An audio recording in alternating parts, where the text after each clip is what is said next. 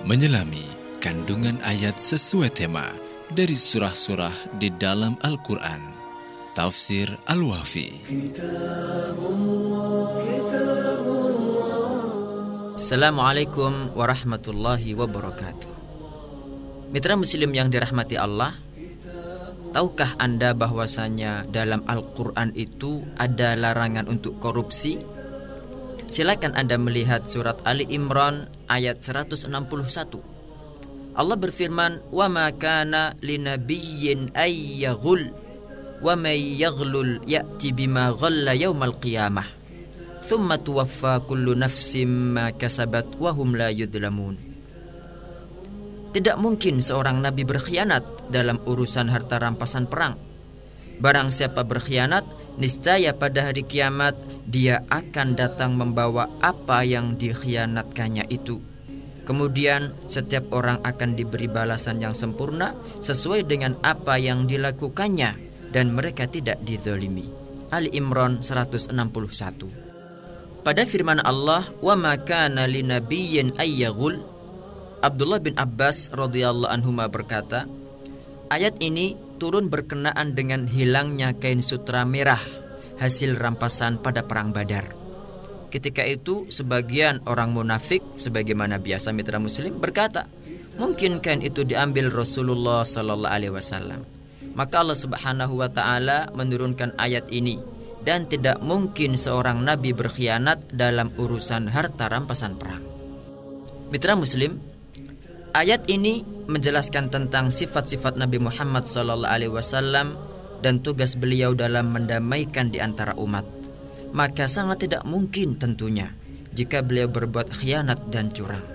Tidak mungkin seorang nabi berkhianat karena Allah Subhanahu wa taala telah menjaganya dengan sifat maksum sehingga beliau terhindar dari perbuatan-perbuatan keji. Mitra muslim, untuk firman Allah, "Wa may yaghlul ya'ti bima ghalla yaumal qiyamah." Maksud ayat ini Siapa pun yang berkhianat dan mengambil harta rampasan secara sembunyi-sembunyi akan datang pada hari kiamat membawa rampasan yang dia curi itu di lehernya. Ini tentunya ancaman keras dan peringatan besar dari Allah Subhanahu wa taala kepada siapa pun yang berkhianat, curang dan mengkorupsi harta kaum muslimin. Jadi mitra muslim, siapa saja yang berkhianat baik dalam pembagian harta rampasan perang maupun yang lain, dengan cara menyembunyikan atau lainnya untuk dimiliki secara pribadi, maka kelak pada hari kiamat akan datang membawa harta rampasan itu di atas tengkuknya. Ia mempertanggungjawabkan perbuatan dosanya di hadapan Allah Subhanahu wa taala. Imam Bukhari dan Muslim meriwayatkan dari Abu Hurairah radhiyallahu an dia berkata pada suatu ketika Rasulullah sallallahu alaihi wasallam berdiri di antara kami Kemudian beliau menjelaskan tentang ghulul.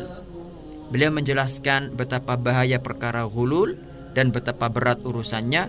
Kemudian beliau melanjutkan, "Ketahuilah, sesungguhnya aku akan menemui salah seorang dari kalian pada hari kiamat sedang pada lehernya terdapat seekor unta yang terus meringkik. Ia meminta tolong kepadaku, wahai Rasulullah, tolonglah aku, katanya.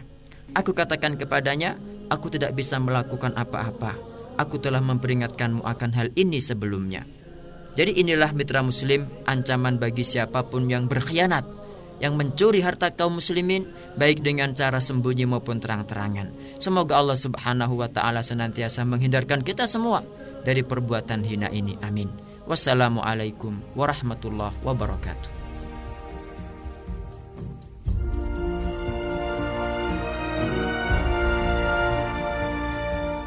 Tafsir Al-Wafi disarikan dari buku Tafsir Tematik Al-Wafi karya Ustadz Wafi Marzuki Amar LCMA.